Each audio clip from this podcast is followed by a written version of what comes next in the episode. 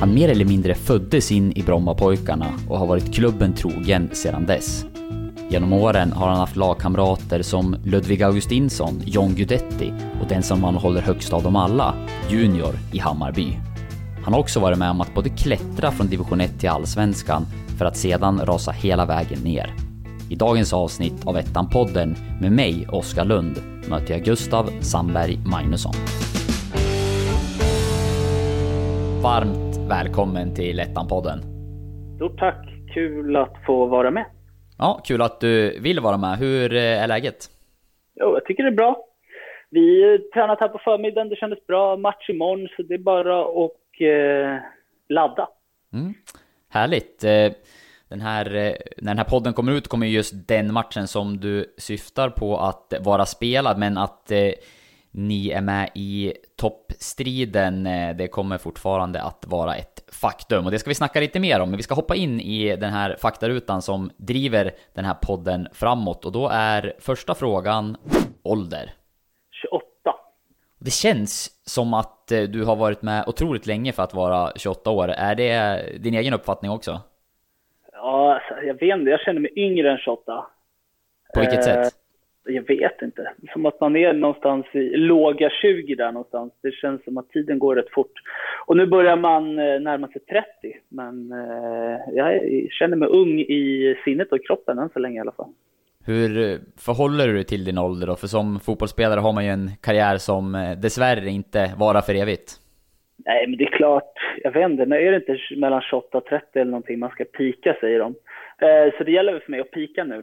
Eh, innan det är för sent, innan det börjar gå ut för igen. Men annars så, jag reflekterar inte jättemycket över åldern och sådär. Det gör jag faktiskt inte. Eh, det blir väl lite så vad man vill bli när man blir stor. Sådana tankar måste man ju börja, måste man börja bekanta sig med.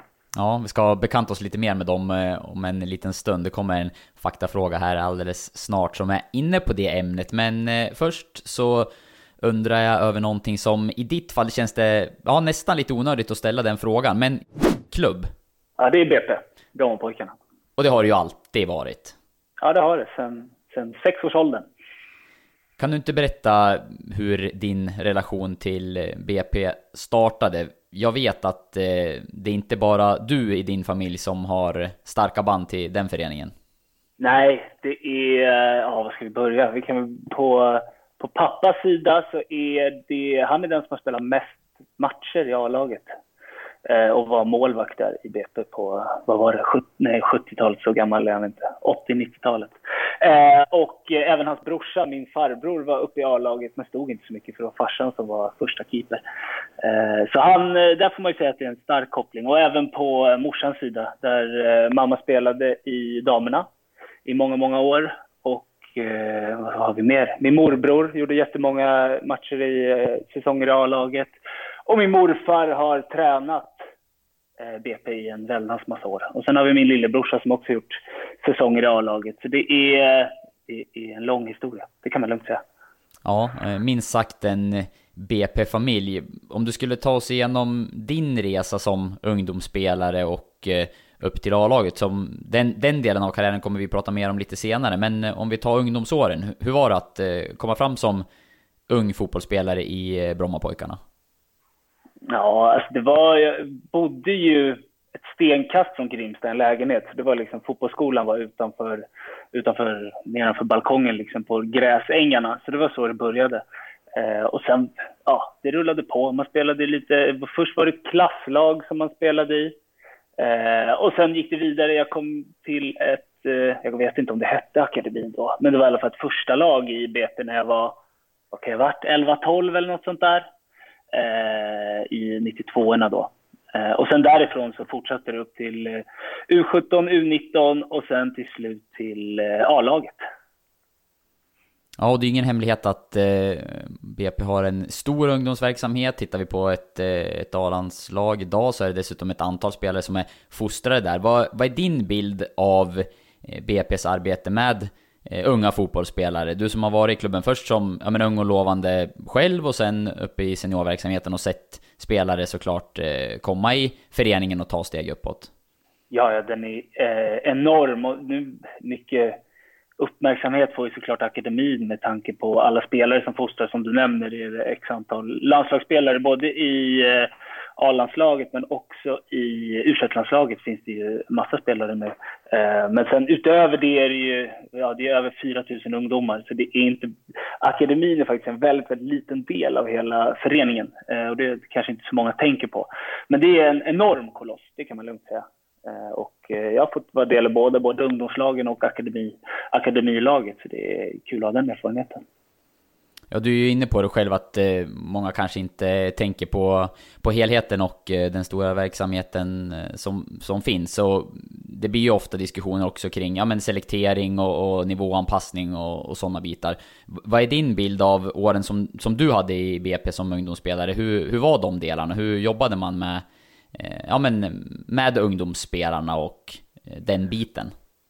Uh, ja, man jobbade, det var jätteseriöst. Det var ju det var jätteduktiga tränare, vilket det är fortfarande. Och sen var det ju speciellt, du spelade i, i mitt fall, i 92orna var det ju, det var i princip de bästa spelarna i Stockholm, men till och med i Sverige, uh, som spelade ett och samma lag. Så varje träning, och alla ville bli fotbollsspelare. Eh, så då kan du tänka dig varje träning, kvaliteten det blev och motivationen och passionen. Och den var enorm. Så det, var liksom, det är lite ett själv, självåkande tåg. Eh, även fast tränarna har en jätteviktig del.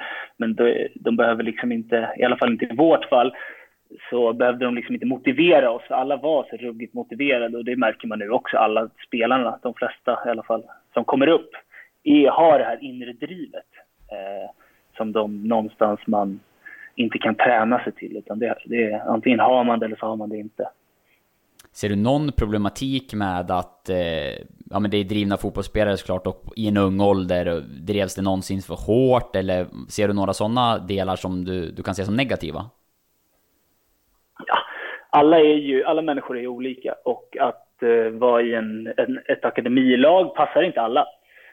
Eh, det gör det inte, för det är väldigt, det sätts höga krav på att du ska varje, varje träning, varje match, du ska helst vinna och du ska spela bra, du ska utvecklas. Och liksom, jag säger inte att det är den rätta vägen för alla att gå, utan du kan ju bli fotbollsspelare, yrkesspelare, vad jag ska kalla det. Eh, andra vägar också. Det finns inga facit på det där, eh, hur man ska gå tillväga. Men för mig var det i alla fall en, en jättebra väg att gå. Ja, uppenbarligen så har du trivts väldigt eh, bra i eh, föreningen. Har det varit nära någon gång att du har lämnat klubben? Nej, inte direkt.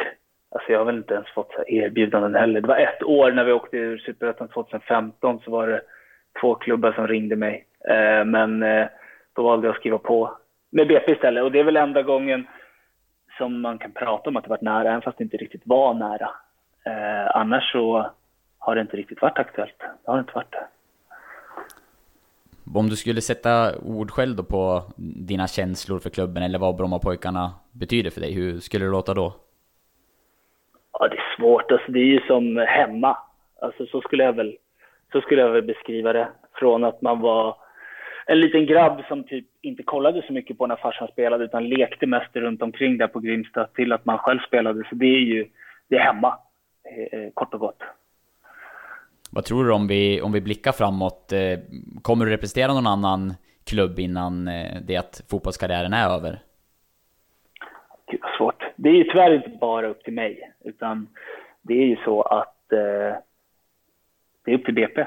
Om de känner att de vill fortsätta satsa på mig och att jag bidrar och sådär. Så att eh, Ja, alltså som farsans del så var det ju, han hade ju så många matcher som han hade gjort, men en dag så fick han inte förlängt avtal. Så det kan ju lika gärna hända mig. Om jag känner att jag eh, fortfarande har mycket att ge så vill jag fortsätta spela fotboll. Det vill jag absolut göra. Eh, så nej, det är inte riktigt bara upp till mig. Nej, vad är det som eh, främst driver dig då? Att fortsätta år efter år i, i samma klubb och du har fått vara med om upp och nedflyttningar. Vad är, vad är din största drivkraft när det kommer till fotbollen? Nej, det är att jag tycker att det är så ruggigt roligt. Eh, att spela fotboll, det är det roligaste som finns. Eh, både, alltså jag skulle kunna, nu i matcher, matcher i toppen liksom. Men alltså, om det bara fanns det alternativet så skulle jag kunna bara träna fotboll också. För att, det, för att det, jag tycker att det är inte lika kul. Men eh, ruggigt roligt det också. Eh, så det är framförallt det som driver mig, att få fortsätta spela, spela, spela. Eh, det, det, det skulle jag säga är det. Ja, härligt. Eh, trivs med att eh, gå till jobbet då helt enkelt. Och det leder oss in på nästa fråga i faktarutan. Då undrar jag över sysselsättning. Ja, det är, ja, jag ser mig först och främst som fotbollsspelare. Det, det gör jag. Sen håller jag på med, eh, har jag haft lite olika jobb vid sidan om. Jag har stått i skobutik, sålt damskor och tjejkläder. Sen har jag jobbat lite på förskola, lärarvikarie och sen, sen vad är det nu, fyra och ett halvt år tillbaka så jobbar jag som teamsäljare på Nike. Just det, hur funkar det då att kombinera med fotbollskarriären? Ja, men det funkar jättebra. Jag får, de är väldigt, alltså de är medvetna om att fotbollen eh, hamnar först. Men sen på den lediga tiden jag har vid sidan om, vilket är en del som fotbollsspelare, eh, så, får jag, så fokuserar jag på Nike och styr lite. Jag är runt och träffar klubbar och eh, återförsäljare.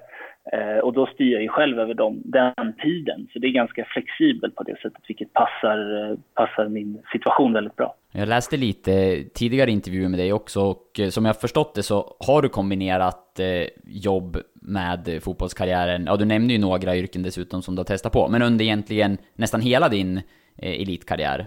Varför har du valt att göra det? Ja, det är en... Ja, direkt efter gymnasiet så satte jag igång. Det var väl för att det finns mycket tid. Eh, det gör det. Eh, du, man tränar ett pass om dagen på förmiddagen och sen har jag liksom inte, jag har inte varit så sugen på att ta en tre timmars fika eller sitta och eh, spela Xbox eller Fifa, även fast det, det kan ha sin charm det också. Men då har jag, jag har känt mig liksom få någonting annat att göra, stimulera, stimuleras lite på det sättet. Eh, och sen har det möjligheterna dykt upp väldigt eh, tydligt för mig också. Till exempel, jag jobbade i en skobutik i fyra år och det var min mosters skobutik. Så då frågade hon om jag ville jobba där och då bara, ja varför inte? Det funkar jättebra med fotbollen. Eh, och sen samma sak med när Nike-jobbet kom, då kom det till mig mer än att jag sökte upp det. Så det är väl lite flyt också eh, och tillfälligheter som gjort att jag eh, hållit på med en del saker vid sidan om. Och sen är det väl också en, ja, det är en liten skön extrainkomst också för att eh, jag blir inte rik på att spela fotboll i BP. Nej, och det där har ju faktiskt eh, du och jag pratat om vid tidigare tillfällen när jag intervjuade dig, just hur det ekonomiska kan pendla. Du har ju varit med om otroligt många upp och eh, nedflyttningar, tillhört olika serier, det var från allsvenskan till division 1. Och det, det påverkar ju privatekonomin. Hur, hur har den delen varit att hantera för dig? Men det har varit rätt påfrestande. Det är det. Ena säsongen känner du helt okej okay, och sen åker vi ur en serie, då känner du inte alls lika bra och då blir det att man drar på sig lite kostnader under det året. Eh, man har bostadslån hade jag eh, från ganska ung ålder, så det var ju liksom, det är det utgifter som är stående varje månad så att du inte kan styra så mycket, mycket över och då blir det att skära ner på annat helt enkelt. Så det, är, det har gått upp och ner, det kan man lugnt säga. Så man får, ja, man får lära sig att eh, hålla en stabil nivå så man inte spårar för mycket när lönen är lite bättre. För då kan den genast bli sämre nästa år. Så det, det, har, det har jag lärt mig efter alla dessa år. Utan att prata kronor och ören då, hur stor skillnad har det varit eh, om du jämför bästa lönen som du hade då gissar jag i allsvenskan kontra hur det har sett ut i division 1? Det är klart det, det har skilts så att man måste dra ner på mycket saker i livet, det har det. Och sen har inte jag, jag har aldrig legat på i närheten av ens en snittlön i allsvenskan de säsongerna jag har spelat där. Det har jag inte gjort. Så att vi har inte haft, eller i alla fall inte jag, även mina, mina lagkamrater, men jag har aldrig haft någon, eh, någon superbra allsvensk lön, eller någon medel allsvensk lön, det har jag inte haft. Eh, så då blir steget ner inte lika mycket, även fast det känns. De här, eh, det kan vara, nu tappar jag bort mig lite. Men liksom 10 000 kan vara ganska mycket, ja. om det är det det skiljer, eh, på en, på, i ett liv och alla månadskostnader.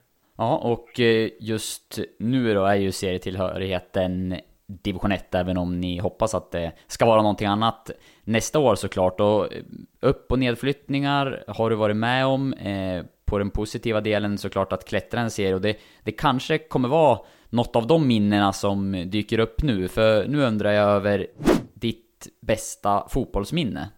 Oj, ja. ja det är enormt många. Vad härligt. Uh, först, uh, ja men det är det.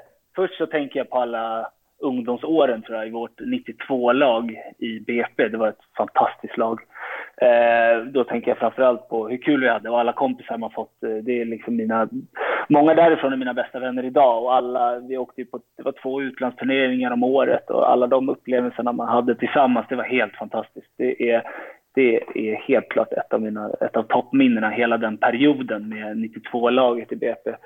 Och några, sen så... Är det några av de som är kvar inom fotbollen sådär, som eh, vi känner till, vi som lyssnar, eller de som lyssnar?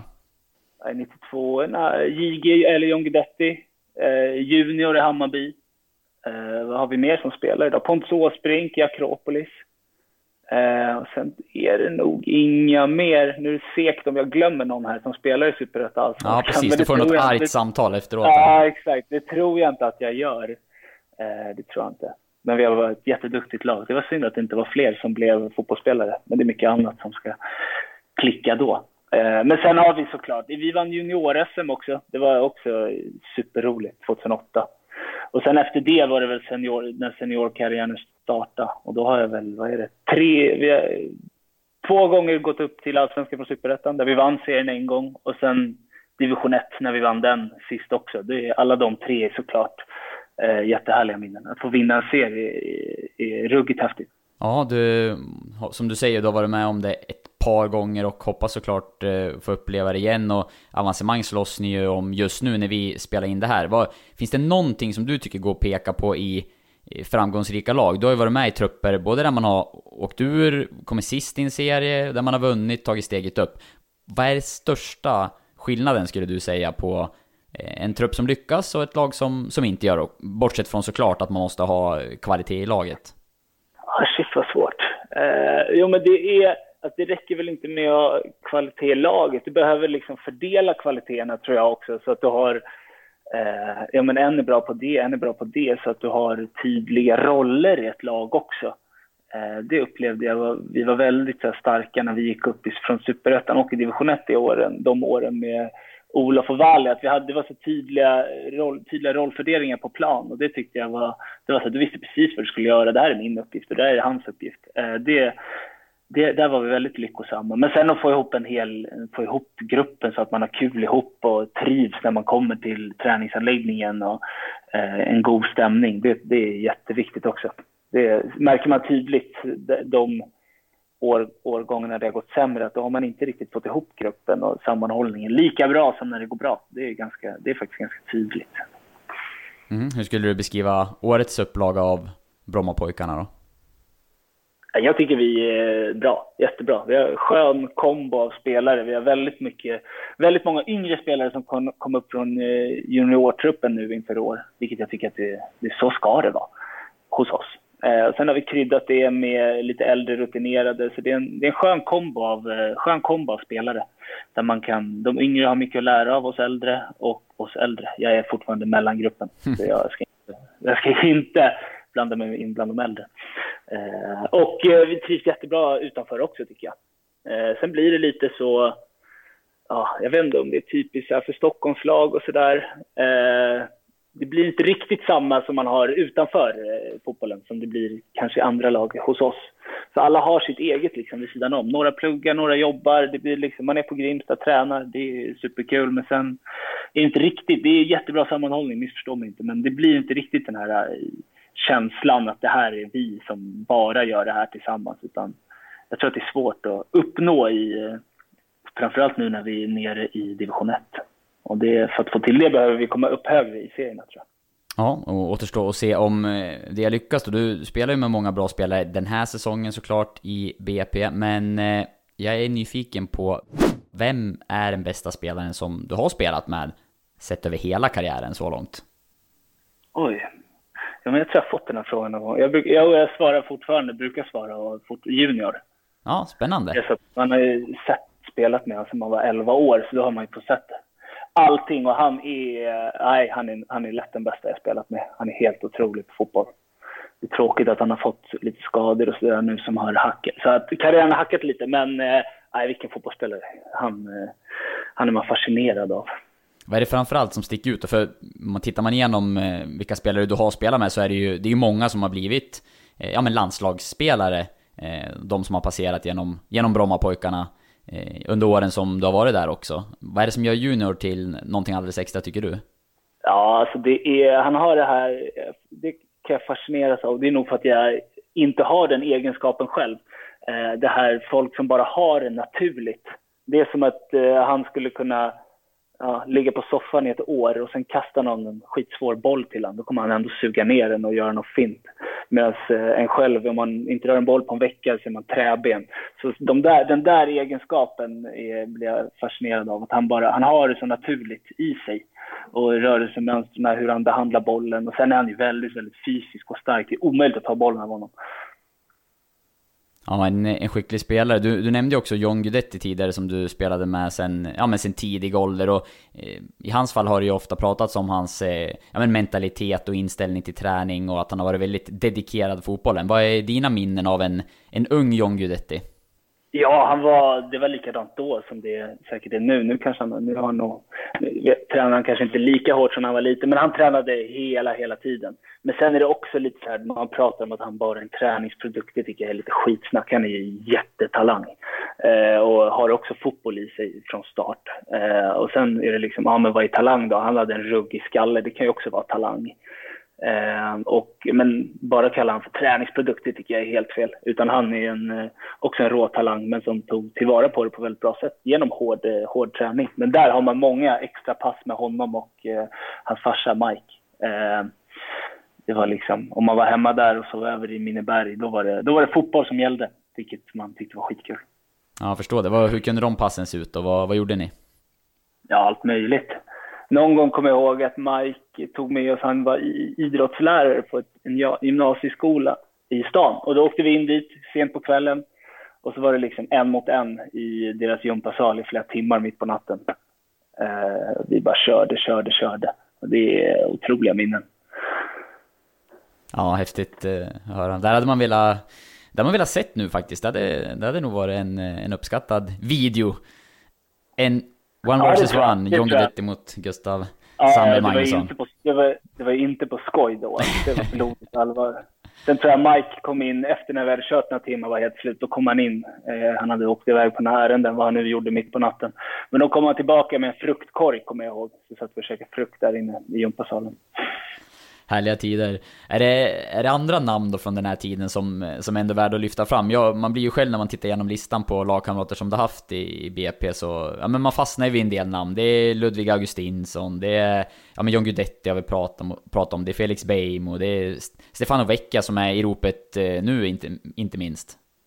Ja, ja verkligen. Om vi ska ta dem. Ludde var liksom, från att han kom upp var det bara så självklart att han, han kommer bli proffs det fanns liksom, han tummade inte på någonting. Det var att träna extra, förbereda sig, äta rätt. Han var liksom, han var proffsigast i laget trots att han precis kom upp från juniorerna. Så det tog inte lång tid tills han började leverera. Så den, den såg man verkligen komma. Och Steffo är skitkul att han går så bra nu och det var heller inte, det är heller inte så förvånande när man har spelat med honom eh, i ganska många år. Han har ju haft, som många känner till, alla sina problem med skador. Eh, så det var, bara en, det var bara en tidsfråga tills han skulle börja leverera om han får hålla sig skadefri. Eh, det är det verkligen. Det ser man när man tränar med honom, vilka kvaliteter som finns. Ja, när man, och när man snackar BP och just nu och, och landslag, då har vi Dejan Kulusevski som det, det, senaste stjärnskottet. Det är ju en spelare som gick från BP's ungdomsverksamhet då till, till Italien. Hade du någon koll på honom innan han eh, flyttade till, till Italien? Jag visste vem det var. Eh, så man, jag, sen, jag har varit tränare i akademin i många år i BP. Så jag hade, jag, men jag hade aldrig tränat honom eller sådär. Men jag hade koll på honom, jag visste inte alltså, jag visste inte hur han var på plan. Förutom att han pratade med tränarkollegor så sådär berättar de ju. Eh, men det visste jag inte. Men det är ju skitkul att det går bra, det går bra för honom. Minst sagt går bra för honom. Det, han flyger ju. Ja, det får man lov att säga. Nu, nu har vi snackat om eh, några av de bästa spelarna du spelat med och eh, då vill jag ju såklart veta också, vem är den bästa spelaren du mött? Ja, fan, här har jag inte så mycket att skryta om eftersom jag bara har varit i Sverige och inte gjort så många landskamper i ungdomsåren heller och sådär. Men om vi ska tänka till... Jo, men jag, det, det kan jag... Vi mötte AIK 2018 och då tyckte jag att Kristoffer Olsson var överjävlig. Det kommer jag ihåg. Att han, när man mötte han sådär, när man hade sett han, han gör den där äckliga vändningen som man gör när man tror att man har bollen och sen så bara vinklar den åt andra hållet. den åkte man på några gånger när man mötte honom och det var liksom, han tyckte jag var riktigt, riktigt bra. När vi, som är ganska färskt i minnet också. Mm, det är allsvenskan, där hittar vi ju många fina namn Jo, såklart. så är det verkligen. Så är det verkligen. Men jag kan tänka mig att, nu vet jag inte vilka andra gäster som har varit, men de kanske har lite andra toppnamn att leverera med. Men Kristoffer Olsson är ju landslagsspelare, så det är okej. Absolut. Ett poddtips från Podplay. I fallen jag aldrig glömmer djupdyker Hasse Aro i arbetet bakom några av Sveriges mest uppseendeväckande brottsutredningar. Går vi in med hemlig telefonavlyssning och, och då upplever vi att vi får en total förändring av hans beteende. Vad är det som händer nu? Vem är det som läcker? Och så säger han att jag är kriminell, jag har varit kriminell i hela mitt liv men att mörda ett barn, där går min gräns. Nya säsongen av Fallen jag aldrig glömmer på Podplay. Vi ska gå vidare och är framme vid ett segment som vi kallar för fem snabba och i de flesta fallen så har gästen fått eh, säga det första som han har tänkt på eh, gällande klubbnamn. Men eh, då har det varit klubbar som han har representerat och det blir ju väldigt svårt i ditt fall. Eh, det är nog den enda... En. Ja, exakt. Den enda gästen så långt som inte har spelat för fem klubbar. Så att den här är omgjord. Du kommer istället få fem tränarnamn. Och då är det ju ingen högoddsare att det är fem tränare som du har haft att göra med under karriären. Så det första du tänker på helt enkelt. Vill du ha ett ord bara då, eller? Jag har varit ganska, ganska snäll i bedömningen på den här eh, tidigare så att eh, du, du får väl ge en mening eller så. Men ett hyfsat snabbt svar, så långt kan vi väl sträcka oss i alla fall då. Okej, jag ska göra mitt bästa. Det låter bra, är du redo? Jajamän. Det första du tänker på om jag säger Kim Bergstrand. Eh, skicklig. Snyggt, ett ord också, bra. Ja, men jag försöker hålla mig där. Ja. Robert Björknesjö. Energi. Louise Pimenta. Eh, passionerad. Olof Mellberg. Bestämd. Och Stefan Billborn. Och där blir det... Eh, gud vad svårt på Stefan. Eh, men det är typ den tränaren som har betytt mest för mig, så kan man säga. Mm, härligt. Eh, Klarar på ett ord på alla Ja, utom Stefan Billborn då kanske? Ja, men det var inte så oväntat. Han var sist på listan av en anledning, för jag vill att vi ska prata lite mer om honom. Eh, Okej. det är som du sa det, att det är den tränare som har betytt mest för dig. Du får berätta varför. Nej, det var, han, det var han som tränade tillsammans med Ola Larsson, eh, BFBs 92 er Så har jag haft han sedan jag var 11-12 år. Och sen resan som vi tog som spelare så följde han med på hela tiden. Eh, ju äldre vi blev, eh, upp till eh, U17 så var han tränare där, U19 så var han tränare där och sen gick han upp till seniorlaget när vi, vi som kom upp dit eh, började där. Eh, så jag, han har liksom varit med hela vägen från 12 års ålder till att han fick lämna då inför 2015. Så det är vi har många, många år ihop och från så här ålder där man, du kan tänka dig från 12 år tills man blir där 20, det är ganska år som har formats ganska mycket och mycket saker händer. Så han var liksom den som, ja, vad ska man säga, eh, ens, ens förebild och som dessutom hjälpte en bli bättre på fotboll. Hur var han som tränare då? Han var fantastisk som tränare, det var han. Eh, både som ungdomstränare och eh, seniortränare. Så hade han ju, nu var han bara ett år i BP som eh, huvudtränare. Annars har jag haft honom som huvudtränare tidigare i ungdomsåren. Eh, men det, jag tycker man ska fokusera mycket som, alltså jag tänker mycket mer på personen också än fotbollstränaren. Han får mycket uppmärksamhet som efter det han har gjort med Hammarby här, såklart och allt med fotbollen. Men han var ändå, han var fantastisk eh, mot oss eh, unga killar när man var i de här eh, tonåren. Det var. Så det tycker jag, det tänker jag mest på. Går det ge exempel där vad, vad han gjorde, på vilket sätt som ja, gjorde att du tyckte att han var en ja, men bra människa och, och ledare för er? Jo, men fan hur han behandlade oss. Jag, vet, jag har alltid varit så musikintresserad. Stefan är från Rågsved. Ebba Grön var ett av mina favoritband när jag var liten. Så var det så han kom när trä, någon träning, hade bränt lite eh, obskyra punkbandsskivor till mig som jag fick lyssna på. Alltså, mycket sådana grejer. Såg mer än bara fotbollsspelaren. Eh, och alltid omtänksam framför allt. Det var alltid tryggt att ha han eh, vid sidan om när man eh, kom upp i A-lag där mycket nytt händer och man ska bli vuxen. Så det var en trygghet liksom. Härligt. Hur ser du då om vi tittar mer på det fotbollsmässiga och den resan som han har haft med Hammarby? Ja, det är samma sak som, alltså det förvånar mig inte. Eh, det gör det inte.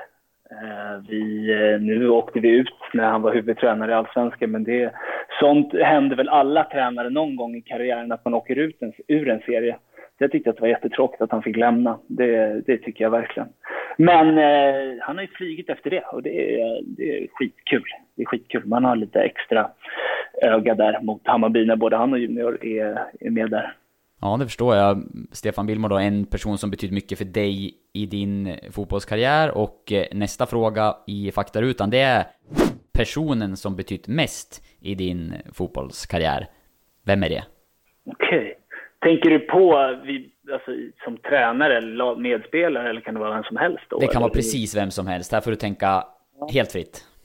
Okej, okay, okej. Okay. Svår. Nej men alltså så här, det, Stefan är ju med där också någonstans. Han har ju utbildat mig som fotbollsspelare. Eh, så det är klart att han får med där. Och nu har vi pratat mycket om honom, men hela tryggheten och personen där som har hjälpt mig jättemycket. Eh, och sen ens familj också. Eh, morsan får jag ta upp tror jag mycket, för hon har stöttat. Det var liksom inte, det var inte helt lätt att ha tre grabbar som spelade i BP's akademi och lösa det både ekonomiskt och skjutsningar och eh, fram och tillbaka. Så det, hon var jättestor del och sen min yngre brorsa också, om man bara tittar till att man blev fotbollsspelare. Så många timmar som vi gnuggat tillsammans nere på eh, typ Källvästa bollplan i Vällingby på gruset där vi kört en mot en och skjutit och alltså så många timmar vi, eh, vi kört med varandra. Så det är nog, eh, det hjälpte nog mycket att vi eh, hade varandra att spela med när vi var yngre åldrarna. Mm, härligt. Den, den här frågan är kanske lite lurigare att svara på. Du behöver nog eventuellt fundera lite grann. Vi får väl se. Jag undrar över det här i alla fall. En märklig händelse som du varit med om under din fotbollskarriär. Och här är det såklart helt okej att lyfta fram fler än en. Det uppskattas bara i podden. Jag tror jag har en. Ja. Eh, för det var, det var någonstans, det märkliga med det var väl kontrasterna. För det var nu 2014 när vi spelade Europa League. Eh, och då när vi, vi mötte i tredje rundan då, vi kom vidare två runder och sen i tredje rundan mötte vi Torino. Eh, och det var liksom kontrasterna då från när vi, vi åker ner för det första åkte vi chartrat plan. Det var inte någon i laget, kanske någon enstaka som hade varit proffs som hade gjort det tidigare. Det var liksom bara, okej, okay, vad fan händer? Vi är BP och vi åker ett chartrat plan. Vad, vad är det som pågår? En i laget, Martin Falkeborg, han tog av sig tröjan och körde baryber bara för att han kunde och bara skrek. eh, sen kommer vi ner där och ska träna, så då åker vi någon buss. Och sen märker vi så okej, okay, vad, vad är det som händer? Vi kollar runt omkring bussen så här, då är vi ju då är det två, tre poliser bakom och lika många framför som liksom eskorterar oss genom stan. Och sen står det folk på gatorna och vinkar så här och vi fattar ingenting. Eh, för då var det, och vi bara körde på rött för att det var det vi skulle få göra då med, när vi var eskorterade. Och då ska jag tillägga att veckan innan, när vi hade match mot, jag minns inte om det var AIK, Djurgården eller Hammarby, men då var det liksom, då åkte vi kommunalt till Tele2 i våra matchkläder. Det var så vi tog oss till de bortamatcherna. Då var det liksom sitta där på tuben med ryggsäcken med fotbollsskorna i eh, och sen gå ut och spela på Tele2. Och den kontrasten då mot det här, den var, den var faktiskt märklig. Det var den. Ja, det kan jag, det kan jag förstå. Jag måste bara stanna där. Ni, ni åkte alltså tunnelbana till derbyn då egentligen? Ja, det gjorde vi. Det gjorde vi. Där har man ju svårt att Eller se... De, vi, de som inte hade körkort i alla fall. Det var ju inte, självklart man hade ju många körkort, men det är ett ungt lag. Det var inte alla som hade körkort och inte hade bil för den delen heller. Så det var kommunalt, var ingen ovanlig, inget ovanligt resmedel. Nej, man har svårt att se framför sig en, en spelare i AIK, Djurgården eller Hammarby då, eh, göra samma sak inför en derbymatch i alla fall. Ja, nej, det är inte riktigt samma typ av förening, vilket tycker jag har sin charm. Ja, vad, vad är det som, eh, som är BP då, tycker du? Det som, du beskriver ju där att eh, ni var inte vana vid den där typen av, eh, vad ska man säga, special treatment eller lyx eller vad det var i, i samband med, med det där äventyret. Eh, vad är, vad är Brommapojkarna för dig? Vilken, vilken känsla får du när du, när du tänker på klubben?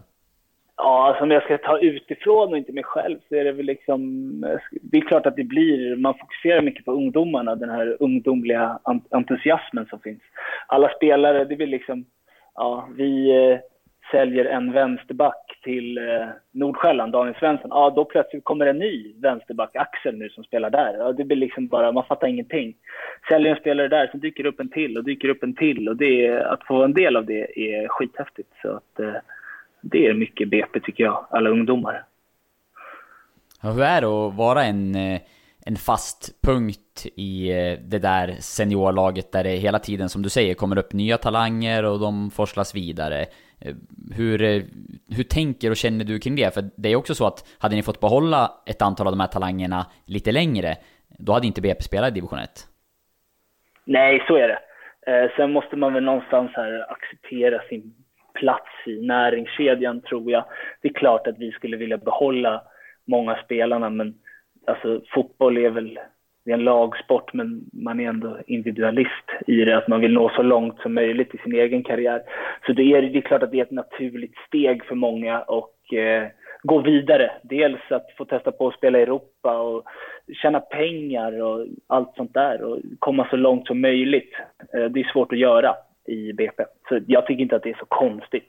Eh, sen skulle jag, om vi är lite högre upp i seriesystemet så hoppas man ju att man kan, de som kommer upp och är bra, att man kan få behålla några extra år innan de drar vidare. Än att det blir att de gör en halv säsong hos oss och sen är det vidare. Eller som i många fall drar i ungdomsåren. Det är klart att det är klart att i de bästa världar så vill man ju behålla. Men då får man ju satsa på om vi är lite högre upp i seriesystemen så kan man ju hoppas på att man får tillbaka spelare sen. De som vänder hem igen när de börjar bli äldre, att de väljer BP, det skulle vara fantastiskt om det, är, om det blir så. För då finns det rätt många spelare att välja på. Ja, det kan man lugnt säga. Du är inne på det själv, det är ju ett antal spelare som lämnar redan eh, innan de blir seniorspelare. Vi pratade om Dejan Kulusevski tidigare och det har hänt även under den här säsongen spelare som har flyttat till Italien bland annat. Men om vi tittar på de som finns i klubben nu och kanske även i A-laget med dig då. Eh, vilka, vilka talanger ska vi ha koll på? Vilka är nästa BP-spelare att ta klivet ut i eh, den ännu större fotbollsvärlden? Okej, okay, då blir det blir fokus på våra egna då. Alltså är det... Eh ja, det är många. Men jag tycker Jesper Ceesay är en spelare som kommer gå långt. Han har, det är hans första år i, senior, i seniorlaget och han har tagit sådana enorma kliv. Och han har det här som...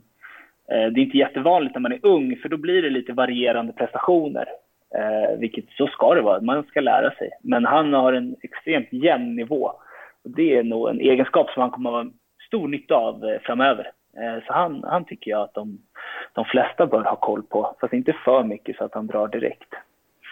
Nej, du vill ha de där ett par säsongerna i alla fall med er så att han kan vara med och föra BP uppåt först innan det är dags för större uppdrag. Ja, ja verkligen, verkligen. Mm. Ja, och det finns såklart eh, fler unga spelare att ha ja, ja, koll på i klubben. Bara en som jag tänkte på. Det finns hur många som helst. Det finns det verkligen. Ja, både jag och eh, säkerligen många av de som lyssnar kommer att eh, hålla koll på kommande BP-talanger. För att det kommer nya spelare till elitfotbollen, eh, det kan vi vara säkra på för BP. Eh, är ju en eh, plantskola och benämns ofta som det, inte eh, kanske lika stora och många rubriker som de övriga Stockholmsklubbarna annars.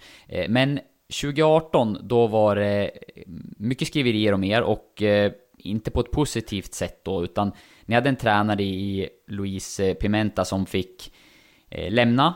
Och eh, ja, det ska framkomma, eller fanns ett missnöje över, över hans eh, metoder som ledare och sådär. Då var det mycket skriverier om BP, då var det några dygn som var turbulenta för er. Hur minns du tillbaka på den tiden idag? Ja, det var... Alltså det var liksom det blir, vi slog för vår överlevnad och så dök det här upp i allting. Och då var det liksom mycket, det blev ju automatiskt att det här behöver man lägga energi på.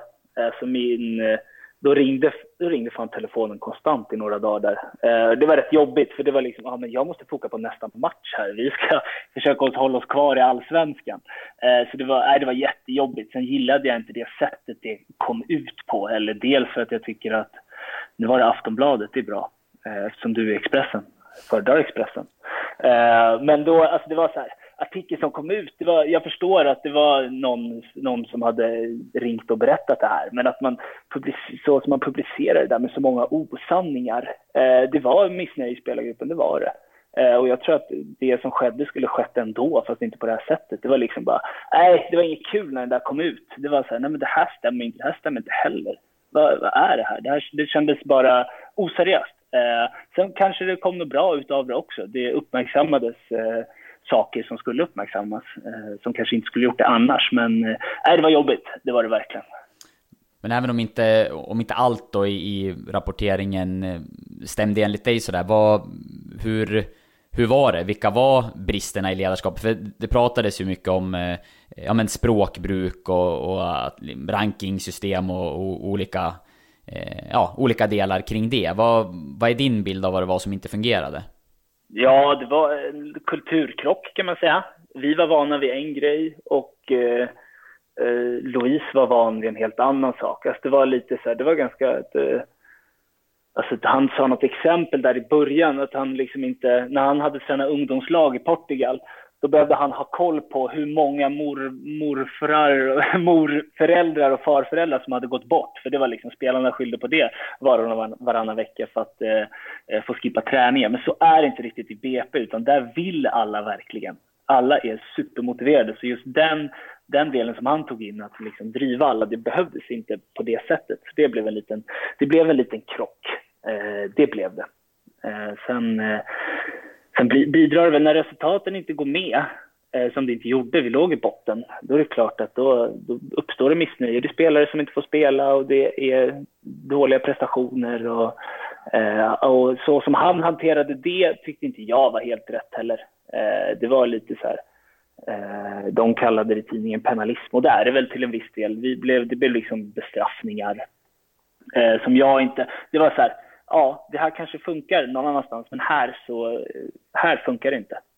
Det gör det inte. Och sen språkbruket, absolut, det var några olämpliga, olämpliga ord som kom ut, men det kan jag säga att det gör det från alla tränare som man har. Det är inte bara Luis Pimenta. Eh, det är det inte så här i efterhand då, hur, hur liksom ser du tillbaka på den där tiden och tänker kring eh, ja, Luis Pimenta som, som tränare som du ändå jobbade med under en period och, och nära också gissar jag med tanke på att du var kapten och en viktig spelare i laget. Det var en jätte, när, allt när jag kom så var det en jättejobbig period. Det var det. Och sen tyckte jag också att vi, eh, det funkade liksom inte riktigt i spelargruppen heller. Vi var inte synkade. Det var vi inte. Det var ganska splittrat. Eh, så man, och sen var man någonstans, som du säger, jag var lagkapten, jag behövde försöka hålla ihop det, det var jättesvårt. Och sen torskar man matcher på det, eh, då mår man inte toppen. Eh, men annars, liksom, Pimenta som person har jag absolut inget emot. Han är en fantastisk eh, människa. Eh, det är han. Men han, hade lite, han gick in i en tränarkaraktär upplevde jag det som. Att han var en, annorlunda som människa och sen när han var tränare så var han inte den han var som människa. Eh, och det skulle, jag, det skulle han nog tjäna på att vara mer sig själv som tränare. Det är jag helt övertygad om. Jag tror också att han kommer lyckas framöver. Ja, vi är en, en tråkig episod såklart förstår jag i din eh, BP-karriär och, och, i ditt liv, men nu ska vi prata om någonting mer positivt. För nästa fråga i faktarutan, det är Då mådde du som bäst? Okej. Okay. Alltså, jag mår typ ganska bra hela tiden. Eh, det skulle jag säga. Skönt. Man brukar ju summera där. Ja, men det brukar man, det, det är det väl. Eh, sen är det såklart att det, man påverkas väldigt, väldigt mycket av eh, resultaten. Eh, lite för mycket, om jag ska vara ärlig. Det är, så är det faktiskt. Eh, nu när vi spelade 2-2 mot Karlstad här eh, för några dagar sedan på lördagen, då var det liksom i vanliga fall en seger lördag och sen en ledig söndag, då mår man som en dröm på söndagen. Men nu, är liksom en, nu blev det kryss där och då är det inte lika roligt på söndagen. Då går man runt och deppar och, och funderar och har sig. Eh, så det är mycket, det är upp och ner eh, för att resultaten påverkar. Men generellt sett så mår jag, mår jag alltid, alltid bra. Det gör jag om man eh, summerar det i slutändan.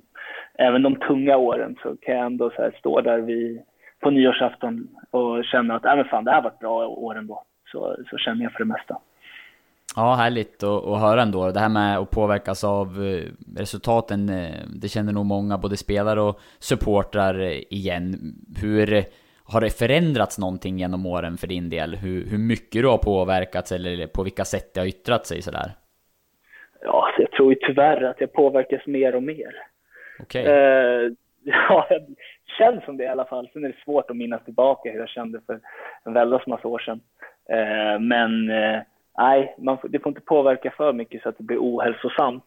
Eh, men man får försöka hitta någon balans i det där, vilket är, vilket är svårt. Man ska ta det på allvar, fotbollen. Det tycker jag verkligen. Eh, för det är liksom bland det viktigaste i livet, eh, i alla fall för mig. Men det måste ändå, man måste ha lite distans också, inte, inte deppa en vecka efter att man torskar en match, utan försöka gå vidare lite snabbare. Det tror jag är, det tror jag är viktigt för ens välmående och dessutom för ens familj som är nära en varje dag. Det är inte så kul att ha en, ett lik hemma efter en torsk. Eh, då smittar det av sig på omgivningen. Ja, det är ju dem att, att, tänka på också såklart. Har det, har, det, har, det liksom, har det blivit situationer där du har blivit tillsagd att eh, nu räcker det faktiskt, eh, nu är vi på en middag här eller vad det nu kan handla om? Nej, alltså jag har inte blivit tillsagd. Min eh, tjej Elin är jätte, jätteförstående, men det är liksom när det går, hon är mest stöttande. De här tyngre åren, som det har varit många av, då är det tufft att spela fotboll. Det är verkligen det. Eh, så, men då har hon, hon, hon är fullt medveten om det. Eh, och mest eh, eh, peppar och eh, tröstar om det behövs. Eh, så där, det har inte varit, riktigt varit så. Sen tycker jag att man kan, man kan slå på en, en clownmask också. Och eh, vara trevliga killen och sen när man är borta från middagen då är det inte lika kul längre. Men eh, nej, det är, så är det. Lite så är det. Du nämner ju de här tuffa tillfällena nu då när vi, och egentligen är vi inne på också främst då och prata om när du mådde som bäst, men när du tittar på eh, uppgång och nedgång i BP, är, blir topparna lika eh, höga som dalarna blir djupa om du förstår vad jag menar? Att blir du lika glad vid framgång som du blir knäckt vid eh, motgångar? När det gäller fotbollen då? Ja, jag, jag tänker på det där ganska mycket faktiskt. Eh, då, men då tänker jag inte på summera säsonger, utan då typ efter en förlust då är det, du är deppig längre efter en förlust än vad du är glad efter en vinst. Det är du. Eh, I alla fall jag.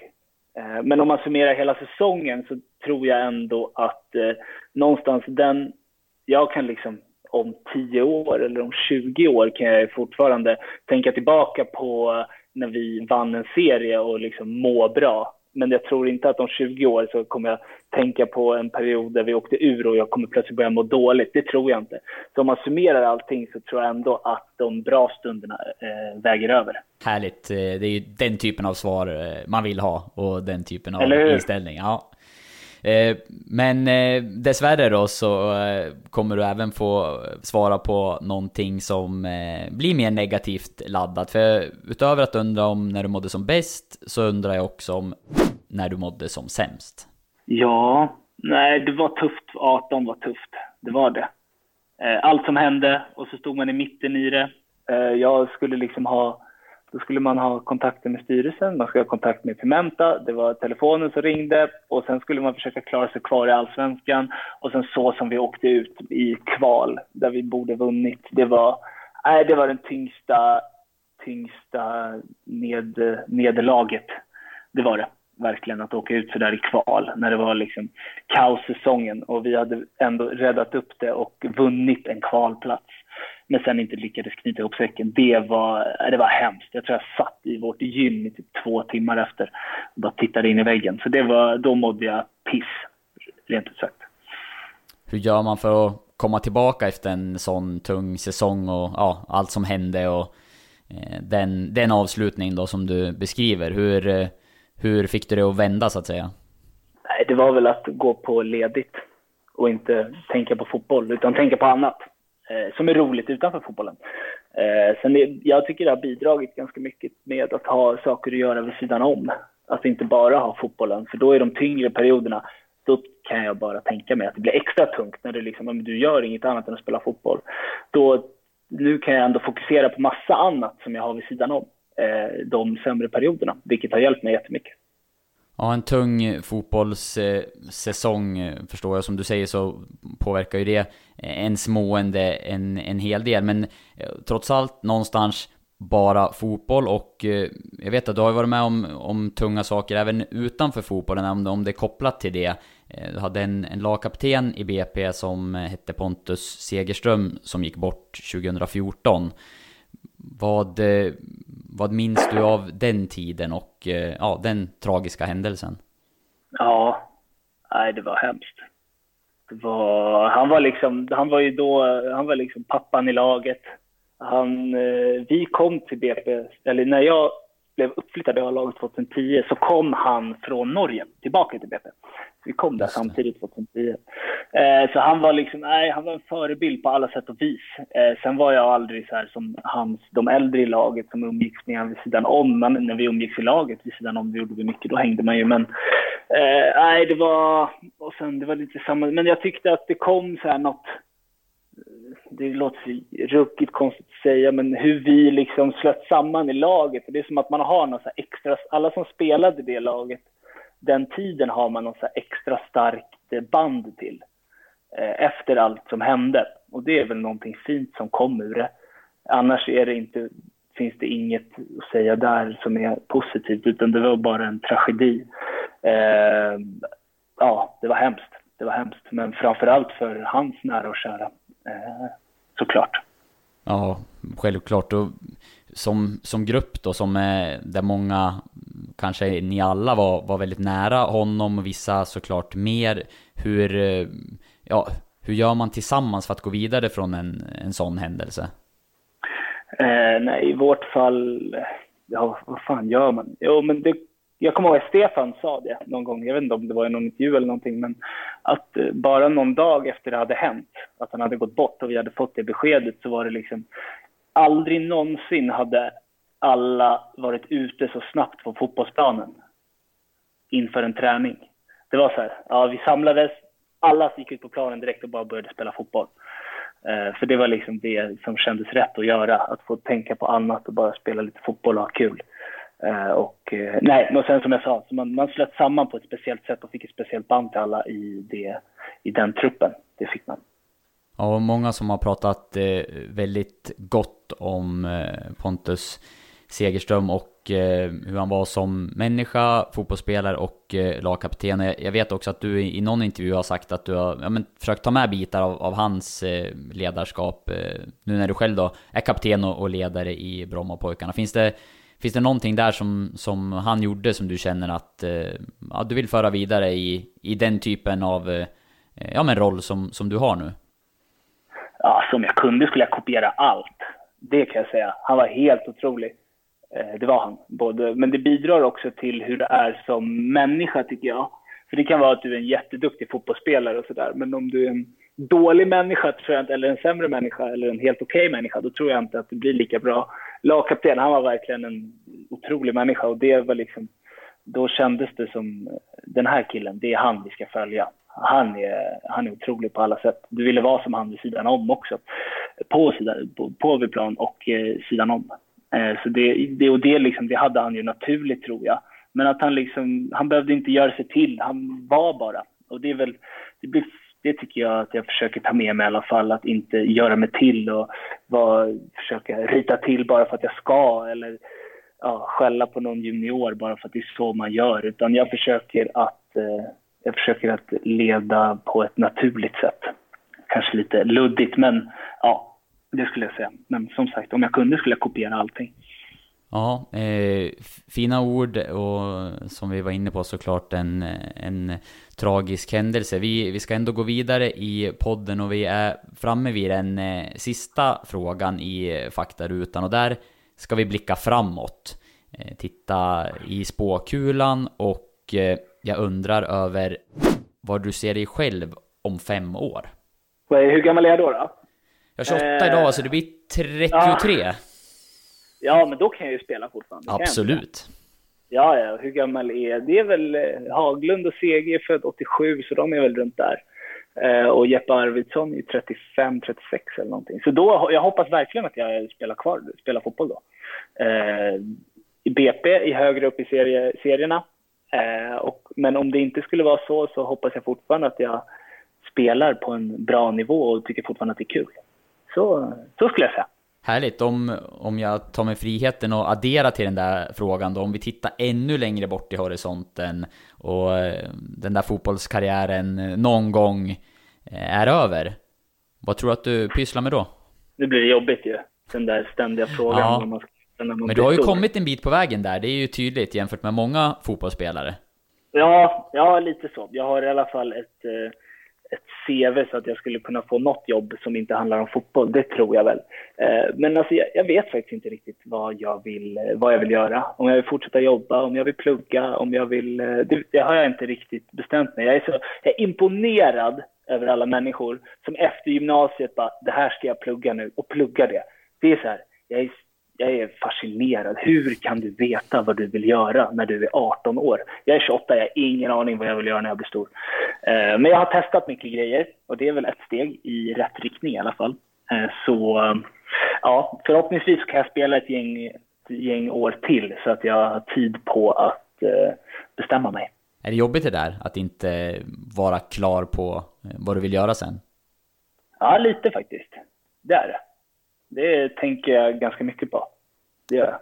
Blir men... Eh, ja, ja, men blir du, blir du konkret i de där tankarna? Liksom, sitter du och skriver ner potentiella jobb, eller hur, eh, hur går den processen till?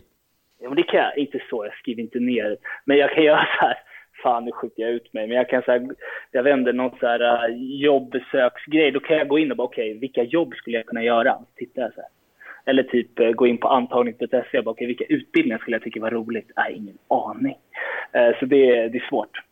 Ja, och du, eh, du har ju några år på dig då, för vi har konstaterat att om fem år, då spelar du fortfarande fotboll på en bra nivå. Och ja. eh, då har du köpt dig ytterligare tid till, till det där beslutet i alla fall. Exakt, så om du ställer den här frågan om fem år så hoppas jag att jag har ett, ett hum i alla fall om jag vill, vad jag vill göra när jag blir stor.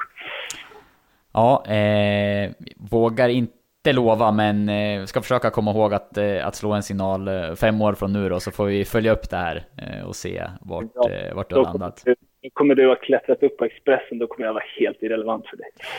Ja, eller så är det jag som ska försöka få tag i ett, ett eh, Serie A-proffs någonstans som har bytt, bytt nummer. oj, oj, oj. Ja, det skulle vara något. Ja.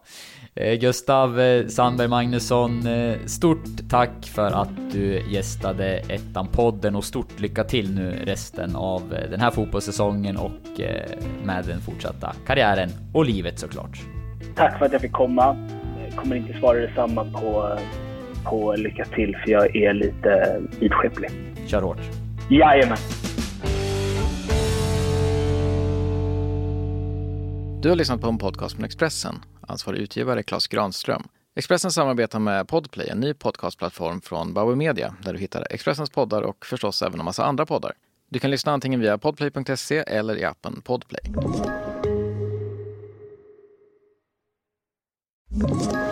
Ett poddtips från Podplay. I fallen jag aldrig glömmer djupdyker Hasse Aro i arbetet bakom några av Sveriges mest uppseendeväckande brottsutredningar går vi in med hemlig telefonavlyssning och, och då upplever vi att vi får en total förändring av hans beteende. Vad är det som händer nu? Vem är det som läcker? Och så säger han att jag är kriminell, jag har varit kriminell i hela mitt liv men att mörda ett barn, där går min gräns. Nya säsongen av Fallen jag aldrig glömmer på Podplay.